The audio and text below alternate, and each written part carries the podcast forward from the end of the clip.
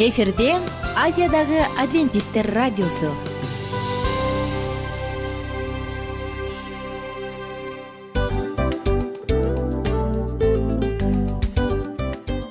Достор салют. Баардык сүйүктүү угармандарыбызга салам айтабыз. Кутман күнүңүздөр менен. Ден соолук өмүрдүн булагы демекчи саламат саамы программасында баарыңыздарды көргөнүбүзгө абдан кубанычтабыз. Анда алгач амандашып өтөлү арбаңыздар деп. Ден соолугуңуздар кандай элибизде көбүнчө ден соолук кандай дегенде эле жакшы деп жооп беребиз э? ооруп турсак дагы жакшы дейбиз. Анан мен муну айтып ойлойт элем бул абдан сонун сөз депчи анткени бул жакшы деген үмүт да э ооба баары жакшы болот баары сонун. Деп үмүттөнүп атып эле өзүбүздү өзүбүз дарылап коебуз. Анысы кандай? Сиздин дагы ден соолугуңуз жакшы беш деген үмүттөбүз чындыгында ден соолук бул өмүрдүн булагы деп бекеринен айтылган эмес деп ойлойм. Кыргыз элинде анткени эгерде ден соолук жок болсо анда адамдын жашоосунда калган баардык керектүү маңыздуу нерселер өзүнүн баалуулугун жоготуп коет. Ошондуктан ден соолук бул эң керектүү нерсе. Ооба туура айтасың кесиптешим. Чынында ден соолугуң жок бир эки үч күн ооруп калсаң эле э кандай болуп калат? Жашоодо көз каранды болуп каласың көп нерсеге жетишпей каласың көп нерсени кыла албай каласың жада калса эшикке дүкөнгө да чыга албай каласың. Туптуура анан ден соолук болсо демек биз биздин бактыбыз тотой деп койсок болот. Анда достор саламат саамы рубрикабызды баштайлы. Алдыда өзүңүзгө керектүү болгон сонун кеңештерди уга аласыздар. Мына ошондуктан биз менен бирге болуңуздар. Ал эми биз болсо милан жана айнура. Кеттик алга. Алга саламат саама ден соолуктун жарчысы. Саламат саама ден соолуктун ачкычы. Күн сайын сиз үчүн мыкты кеңештер сонун жаңылыктар кызыктуу фактылар биздин рубрикада.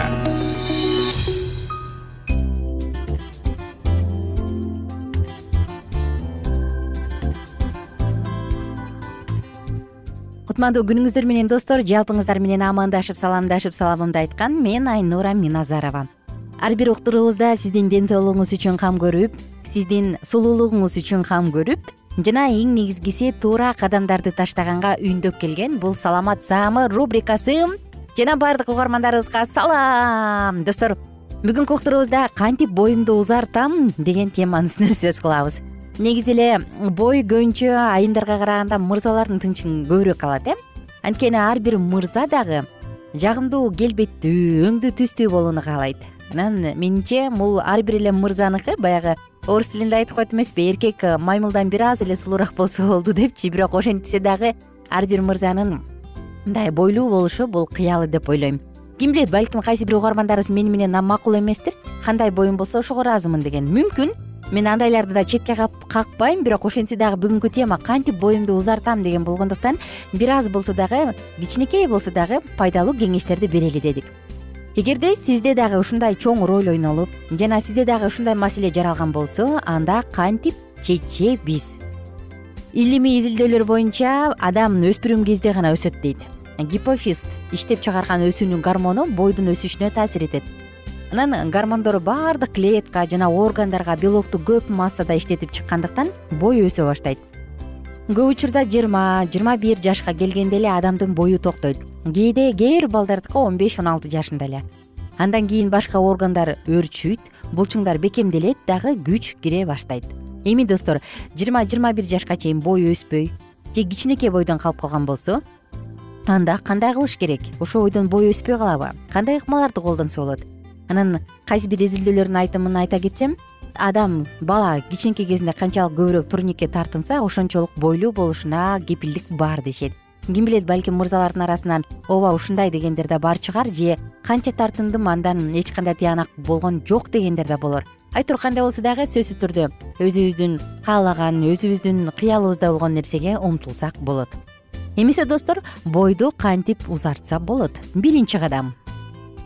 Биринчиси эле күн тартибин кармаңыз эң алгач өзүңүзгө туура күн тартибин түзүп алыңыз. Анда сөзсүз түрдө сөөктөрдү бекемдеп анын өсүүсүнө жакшы таасир тийгизе турган көнүгүүлөр күнүнө таза абада сейилдөө туура тамактануу жана мыкты уйку болушу шарт. Бул биздин биринчи кадамыбыз. Жана экинчи кадам туура тамактаныңыз. Эгер ардактуу мырза сиз боюмду узартам деп жатсаңыз анда курамында белок бар табигый азыктарды жеңиз. Балким жумуртка жаңгак быштак жээрсиз анан да эскерте кетчү нерсе таттууну азайтыңыз болушунча минималдуу кылыңыз жок кылсаңыз да жакшы. Өзгөчө жасалма таттууларды бул момпо суу чакмакташылган кумшекер газдалган суусундуктар жана башка ушул сыяктуу азыктар. Алардын ордунда эмне кылам десеңиз жер жемиш жеңиз анын ордун бал менен толтуруңуз өзгөчө б жана а тобундагы витаминдер бойду өстүрөт. Мына ушул азыктарды көбүрөөк жеңиз. Кайсы азыктарда б витаминдери бар? Сабиз туруп томат жашылча чөп чарлар каймак май жумуртканын сарысы жаңгак минералдык туздар фосфор кальций жана башка ушуларда. Эми үчүнчү кадам. Бойду өстүрүүнү кааласаңыз туура уктаңыз балдар уктап жатканда өсөт деп бекер айтылган эмес. Андыктан толук кандуу уйку сизге жардамчы. Жети сегиз сааттык уйку. Керек болсо бир изилдөөдө айтышыптыр эртең менен турганда адамдын бою күнүмдүк боюнан эки сантиметрге узун болот деп. Уктап жатканда булчуңдардын баардыгы тең бошойт. Адам өзүн таштайт. Анан дагы туура позада уктаганга аракет кылыңыз туура поза кандай? Бул чалкасынан жатып кол бутту түз кылып башты жаздыкка коюу. Жаздык өтө бийик болбошу керек. Жаздык эгерде мынтип башыңыз өйдө карай карап алды жакка экинчи ээк болуп пайда болуп кала турган болсо демек жаздыгыңыз өтө бийик. Эгерде башыңыздын алдына колуңузду кайра жаздап аткан болсоңуз демек жаздыгыңыз жалпак. Туура жаздыкты тандаңыз жаздык өтө жумшак болуп кетпесин башыңыз булк деп кирип кетпесин өтө да катуу болуп тырсыйып турбасын ал өзүңүздүн башыңыздын формасын алсын бирок өзүнүн бийиктигин кармасын. Бул үчүнчү кадам болду кийинки кадам төртүнчүсү. Жаман адаттардан арылыңыз. Мисалы алкоголдук ичимдиктер чылым чегүү баңги заттарын колдонуу насвай атуу деген сыяктуу толтура жаман адаттар бар эмеспи? Булардын баардыгы сиздин боюңузду эле токтотуп койбостон. Ден соолугуңузга жүрөгүңүзгө жүрөк кан тамыр системине тамак сиңирүү системине мунун баардыгына тең терс таасирин тийгизет. Ошондуктан абайлаңыз мунун баардыгы жашоого керектүү энергияны алып бойдун өсүүсүн токтотот. Бул биздин төртүнчү кадамыбыз. Жана достор акыркы кадам бар бешинчи кадам. Бул көнүгүү машыгууну унутпаңыз. Машыгуу дегенде эле тердеп кургап болушунча бир күн кечке машыгуу эмес көнүгүү жасаганда дагы машыгууда дагы интенсивдүүсүн орточо интенсивдүүлүгүн жана жай жасалуучуларын баардыгын тең билип алган жакшы. Албетте мындай учурда жөн эле машыктыруучу эмес тажрыйбалуу машыктыруучу керек. Сиз эмнени каалап жатасыз? Ошону туура билгени жакшы. Дал ушундай гана машыктыруучу сизге жардам бере алат. Достор кандай болсо дагы баягы тикенектей акылым болгон теминедей акылым болгончо тикенектей боюм болсун демекчи кандай болсо дагы кимдир кайсы бир адамдар күзгүдөн карап туруп өзүнүн келбетин кабыл алат. А кимдир бирөө ии ушундай болсо мындай болсо дей берет. Бүгүн дагы мен бир уктуруудан сонун маалымат окудум. Канчалык адам күзгүгө көп көрүнсө өзүнө болгон нааразычылык ошончо жогорулай берет экен. Бирок албетте бул демек таптакыр күзгүгө көрүнбөгүлө дегенден алыспыз көрүнүңүз бирок өтө чектен ашып кетпеңиз. Эгерде сиз өсө турган куракта болсоңуз анда турникке тартыныңыз. Жогоруда биз айткан баардык көнүгүүлөрдү баардык кадамдарды аткарып көрүңүз. Бул биздин кеңешибиз.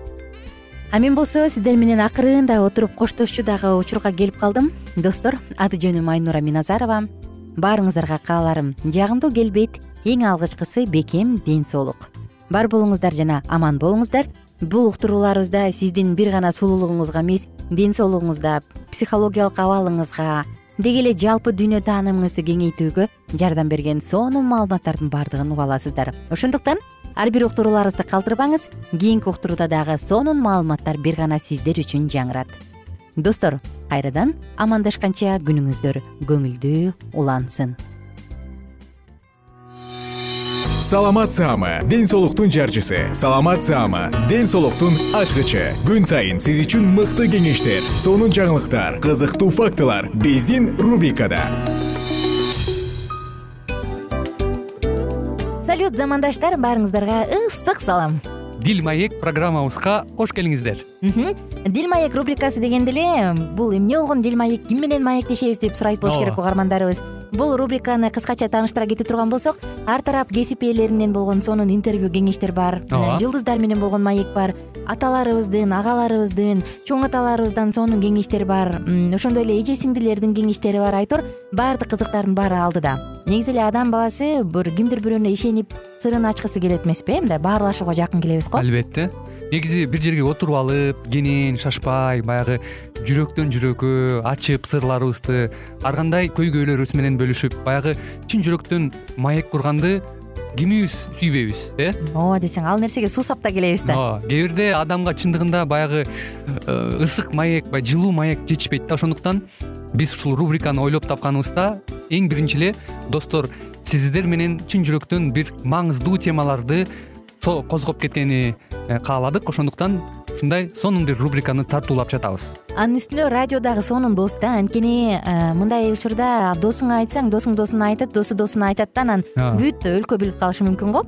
А радио болсо сени сатпаган сенин айыбыңды ачпаган сенин сырыңды эч кимге айтпаган сонун досуң ошондуктан биздин алдыдагы айта турган кеңештерибизди биздин досторубуздун кеңештерин угуп анан ал жака пикириңизди дагы калтырып кайрадан биз менен байланышсаңыздар болот деги эле жашооңузга эгерде кичине болсо дагы өзгөрүү алып моралдык жактан моралдык жактан сонун бир кеңештерди алсаңыз демек биз максатыбызга жеттик. Ооба. Чыңгыз атабыз улуу жазуучу э, чыңгыз айтматов айткандай адам болуу бул күнүмдүк процесс экен. Күн сайын адам бойдон калуу бул адамзатка эң эле кыйын дейт э? э эң кыйын дейт. Чындыгында бунун э, негизинде адамдын эң баягы сапаттуулугу адамдын адамгерчилиги жана көптөгөн керектүү нерселер мына ошол темалар дагы бизде э, ушул дил маекте биз аларды да козгойбуз. Э, ден соолук жөнүндө да сүйлөшөбүз. Сөзсүз түрдө анан милан мырза негизи айтып коюшат го. Э, биз көбүнчө эмнени ойлонсок ошол нерсеге карата иш кылабыз го ооба. Анан анысыкандай балким бул радио баракчада кимдир бирөөнүн оюн текшергенге жардам берет кимдир бирөөнүн жүрөгүн текшергенге жардам берет балким кимдир бирөөгө жашоонун маңызын тапканга жардам берет айтор кызыктын баары алдыда бул жөн гана кыскача жарнама анда угармандарыбыздын баардыгын кийинки рубрикабызга чакырабыз. Ал эми кызматта маңдайымда отурган кесиптешим милан жана мен айнура. Анда эмесе биз даярдаган терең терең ойлор менен таанышууга кеттик. Алыс алыс баралык. Анда эмесе достор биз менен бирге болуңуздар. Алдыда эң кызыктуу маалыматтардын баардыгы бир нече мүнөттөр бою жалгыз гана сизге арналат мына ошондуктан жакшы маанай менен угууну каалайбыз. Үн алышканча. Жөнөдүк. Ар түрдүү ардактуу кесип ээлеринен алтын сөздөр жүрөк ачышкан сыр чачышкан сонун маек дил маек рубрикасында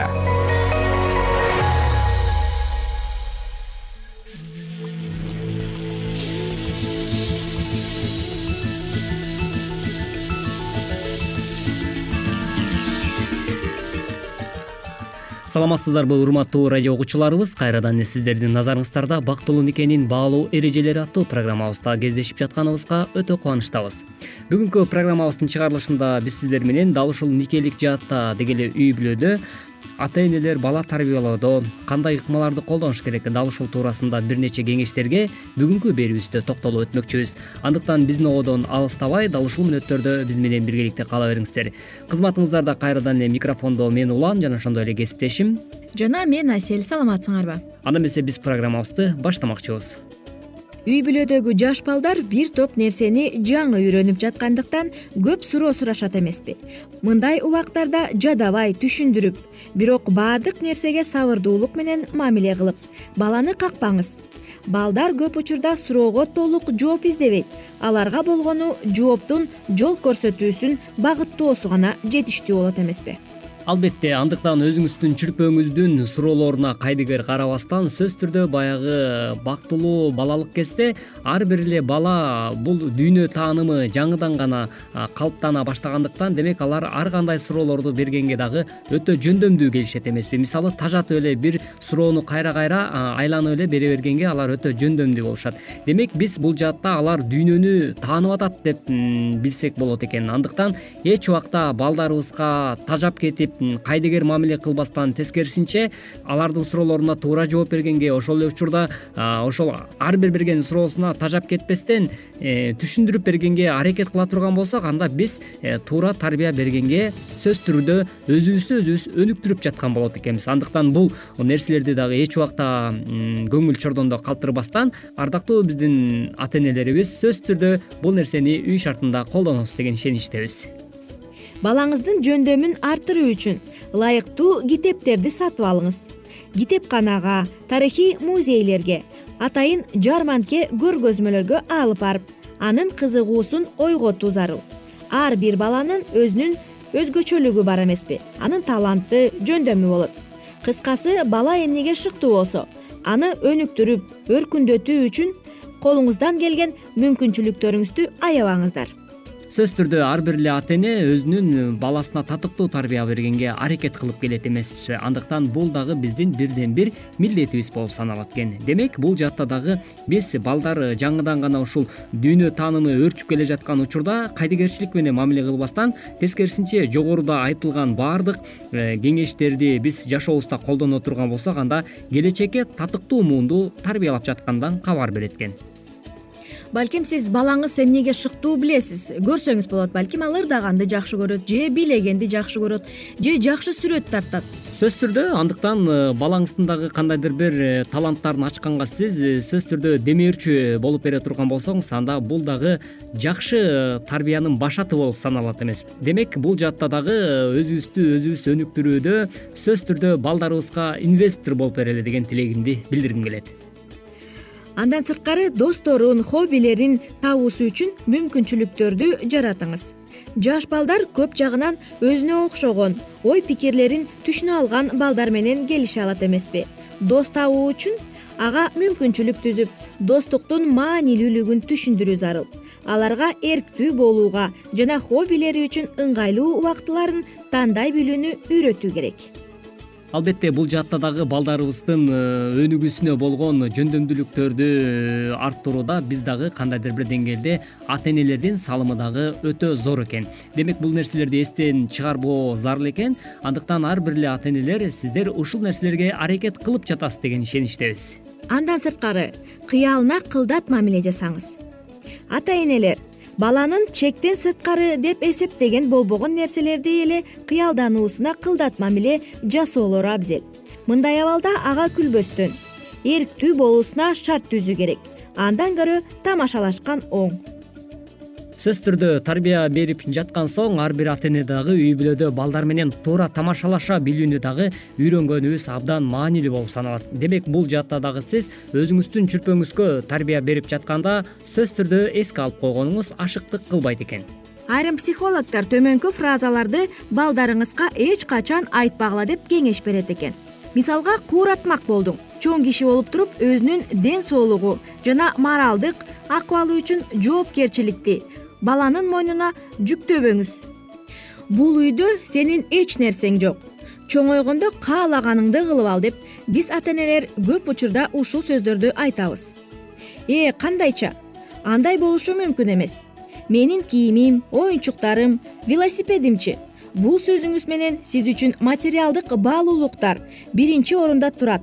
Ал эми балаңыздын сезими эмоциялары такыр кызыктырбай турганын көрсөтөсүз чындап эле мындай көрүнүштөргө кээ бир учурда айрым ата энелер жол берип коюшат. Мисалы ошол эле балдарын жерип э, сен эмне чоңоюп калдың беле деген сыяктуу ар кандай бир э, сөздөрдү айтуу менен биргеликте дагы биз дагы балдардын жан дүйнөсүн кандайдыр бир деңгээлде жабыркатып жатканыбызды кээ бир учурда этибарга албай калган учурлар болот экен. Демек жогоруда айтылган кеңештерди дагы сөзсүз түрдө э, кулактын сыртынан чыгарбастан үй бүлөдө бала тарбиялоодо бул нерселерди сөзсүз түрдө жашооңузда туура нукка буруп балаңызды Э, туура татыктуу тарбиялаганга аракет кыласыз деген ишеничтебиз.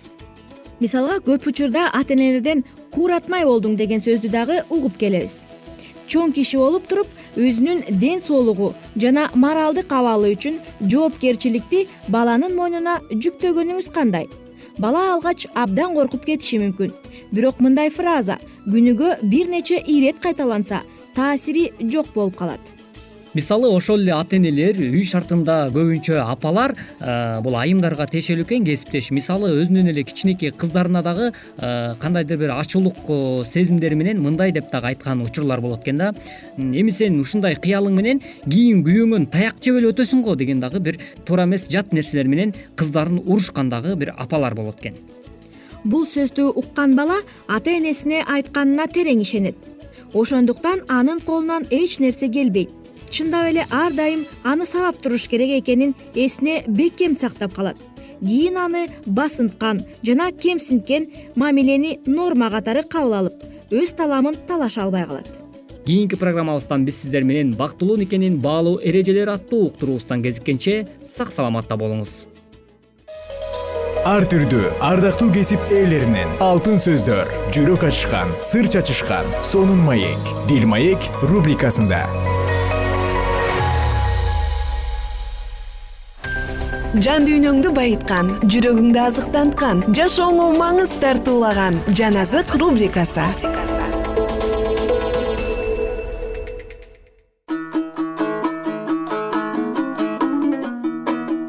Саламатсыздарбы айымдар жана мырзалар. Жалпы биздин угармандарыбызга ысык салам жана сиздер менен бирге жан азык уктуруусунда дал ушул рубрикада куткарылуу тарыхы деп аталган китебибизди бирге улантабыз. Анда эмесе алдыңызды жөнөдүк ыйса машаяктын сууга чөмүлүүсү кудайдын периштелери ыйса машаяк чөмүлө турган суунун үстүндө айланып жүрүшкөн жана ыйык рух асмандан көгүчкөн сыяктуу анын үстүнө конду. Качан адамдар таң калуу менен андан көздөрүн албай карап турушканда асмандан кудай атанын мындай деп айткан үнү угулат. Сен менин сүйүктүү уулумсуң мен сага ыраазымын жакыя пайгамбар ага келип иордан дарыясындагы сууга чөмүлдүрүлгөндүн өзү куткаруучу машаяк экендигине толук ишенген эмес. Бирок теңир ага кудайдын курмандык козусун билиш үчүн белги бере тургандыгын эскерткен. Бул белги ага качан асмандан көгүчкөн түшүп ыйса машаякка конгондо жана аны кудайдын даңкы нурга бөлөгөндө берилди. Ошондо жакыя пайгамбар колун алдыга сунуп ыйса машаякты көргөзүп мындай деп катуу үн менен айтты. Мына дүйнөнүн күнөөлөрүн өзүнө ала турган кудайдын курмандык козусу жакан бир жыйырма тогуз. Жакыя пайгамбардын кызматы. Жакыя пайгамбар өз шакирттерине убадаланган дүйнөнү куткаруучу ыйса машаяк экендигин жарыялайт. Качан анын кызматы бүтүп бара жаткандыгын өзү сезгенде ал шакирттерине машаяк бул улуу устат аны ээрчигиле деп айткан. Жакыя пайгамбардын жашоосу кайгылуу жана өз керт башынын кызыкчылыгын ойлобогондук менен өттү ал машаяктын биринчи келишин жарыялаган. Бирок ыйса машаяк аркылуу көрүнгөн кудайдын күчүн көрүп кубана алган жок. Ыйса машаяк өз тегерегине шакирттерди чогултуп устат болгондо өзү өлө тургандыгын жакыя пайгамбар билген. Чөлдөн башка жерде анын үнү сейрээк угулчу ал өзүнчө жашады. Ата энесинин үйүндө болуп туугандары менен бирге шаттанган жок. Жакыя пайгамбар кудай аркылуу берилген тапшырмаларды аткарыш үчүн бардыгын калтырган бул таң каларлык пайгамбардын насааттарын угуш үчүн көп сандаган адамдар шаар жергесинен чөлгө келип чогулуп турушту жакыя пайгамбар дарактын тамырынын жанына балтаны коюп күнөөлөрдү ашкерелеп кудайдын курмандык козусуна жол даярдаган. Жакыя пайгамбардын ират падышаны ашкерелегени ага катуу таасир берди. Жана анын шакирти болуш үчүн ал эмне кылыш керек экендигин сурайт. Жакыя пайгамбарга ираттын өз агасы өлө электе анын аялын алган жаткандыгы маалим эле. Жана пайгамбар бул адилетсиздигин ага ачык айткан. Бирок ираттын эч нерсени таштагысы келген жок. Жана ал өз агасынын аялын аялдыкка алып анын сөзү боюнча жакыя пайгамбарды кайра бошотуп жиберем деген максатта камап коет. Камакта жатып жакыя пайгамбар өз шакирттеринен ыйса машаяктын керемет иштери жөнүндө угат ал өзү машаяктын ырайым сөздөрүн уга алган эмес. Бирок анын шакирттери болгон нерселерди айтып келишип аны сооротушкан көп узабай эраттын аялынын айтуусу боюнча жакыя пайгамбардын башы алынды. Ыйса машаякты ээрчиген момун шакирттер анын оозунан чыккан сооротуу сөздөрүн угуп анын жасаган кереметтерин көрүшүп жакыя пайгамбар көрө албаган кубанычтарды көрүштү. Матай он бир он бир жакыя пайгамбар ильяс пайгамбардын күчүндө келип ыйса машаяктын биринчи келиши жөнүндө жар салган. Бул тууралуу лука жазган жакшы кабар биринчи бап он жетинчи аятта жазылган. Жана дагы жакыя пайгамбар ильяс пайгамбардын рухунда күчкө толушуп ыйса машаяктын экинчи келишинин алдында дагы көптөгөн адамдар чыга тургандыгын көргөн. Азгыруучу иордан дарыясында ыйса машаяк сууга чөмүлгөндөн кийин ыйык рух аркылуу чөлгө барат жана ал жерде шайтан аны азгырат. ыйык рух аны ушул шайтандын каардуу азгырыгына дайындады. кырк күн ал шайтан аркылуу сыналып турду. бул күндөрү ал эч нерсе жеген жок. айланада курчап турган жаратылыш көзгө жагымсыз көрүнөт. ыйса машаяк болсо бул какыраган жерде жапайы кээ бир жаныбарлар менен бирге шайтан менен жекеме жеке кездешип турду. узакка созулган орозо аны алсыздандырды анын кааруусу кетип дарманы калган жок. Бирок ушундай абалында дагы машаяк өз кызматынын максатын көрүп турган. Ал өзү аткарыш үчүн жерге келген ишин аягына чыгаруусу керек. Шайтан ыйса машаяктын кыйналганынан пайдаланып анын үстүнөн жеңишке жетишейм деген максатта аны өзүнүн болгон айлакердиги менен азгыра баштады. Анткени машаяк өзүн жоошутуп жердеги адам кебинде төрөлүп келген ал машаякка барып мындай деген сунуш айтат. Эгерде сен кудайдын уулу болсоң бул таш нан болсун деп буйрук берчи ыйса өзүнүн куткаруучу машаяк экендигин далилдеш үчүн жогорку күчүн көргөзүүсүн азгырык каалап турду. Ыйса машаяк момундук менен ага мындай деп жооп берет. Адам жалаң гана нан менен жашабайт бирок кудайдын ар бир сөзү менен жашайт деп жазылып турат. Лука төртүнчү бап үчүнчү төртүнчү аяттар чын эле ыйса кудайдын машаягы экендигин билгиси келип шайтан жан талашып аракеттене баштады. Андан кийин ал кандай алсыз болуп калгандыгын көргөзүп өзүнүн ыйса машаяктан күчтүү болуп тургандыгын далилдегиси келип мактанган. Бирок асмандан чыккан сен менин сүйүктүү уулумсуң мен сага ыраазымын деген сөздөр ыйса машаякты кудай бардык кыйынчылыкта колдой тургандыгын айкын далили эле ыйса машаякка өзүнүн кудурети жөнүндө же шайтанга чын эле өзүнүн дүйнөнү куткаруучусу экендигин далилдөөсүнүн кереги жок эле. ыйса машаяктын жогорку бийлиги жөнүндө шайтан көп далилдерди алган. Бирок анын ыйса машаякка асманда баш ийбей койгондугу аны асмандагы кызматынан ажыратты. Шайтан өз күчүн көргөзүү менен ыйса машаякты иерусалимге алып келип андагы ибадаткананын үстүнө чыгарып дагы ыйсадан машаяк экендигин далилдөөсүн талап кылат. Ушул бийликтен ушул бийиктиктен ыйса машаяктын өз боюн таштап жиберүүсүн сунуштайт. Эми шайтан ага ыйык жасуунун сөздөрү менен мындай деп кайрылды. Сен кудайдын уулу болсоң ушул жерден өзүңдү төмөн таштап жибер. Анткени өз периштелериңиз сен жөнүндө сени сактоону дайындаган алар сени алаканына салып көтөрүп кетишет. Ошентип бутуң ташка урунбайт ыйса машаяк мындай деп жооп берди. Теңириңди өз кудайыңды азгырба деп жазылган кымбаттуу досум сиздер менен дал ушул жерден саатыбызды токтотобуз жана кийинки уктуруудан кайрадан амандашканча сак саламатта туруңуздар. Күнүңүздөр көңүлдүү улансын бар болуңуздар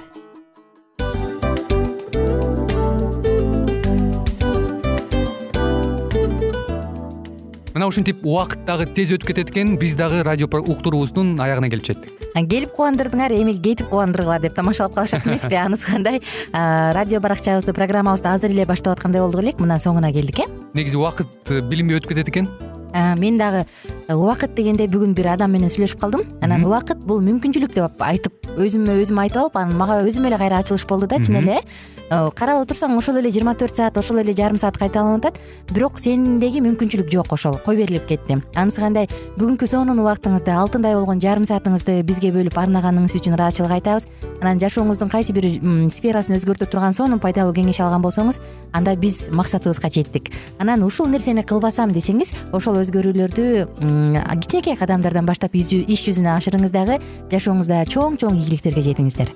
Чын жүрөктөн ар бир берилген кеңештер сөздөр сиздерге пайдасын алып келет деп ишенебиз. Жана кийинки уктурууларда сөзсүз түрдө чыдамсыздык менен сиздерди күтөбүз. Сагынычтуу салам айтып кайрадан дал ушул жыштыктан баардыгыңыздарды тосуп алганча. Кызматта мен айнура жана кесиптешим милан анда кол каалайбыз жалпыңыздарга ийгиликтүү күн. Саламатта калыңыздар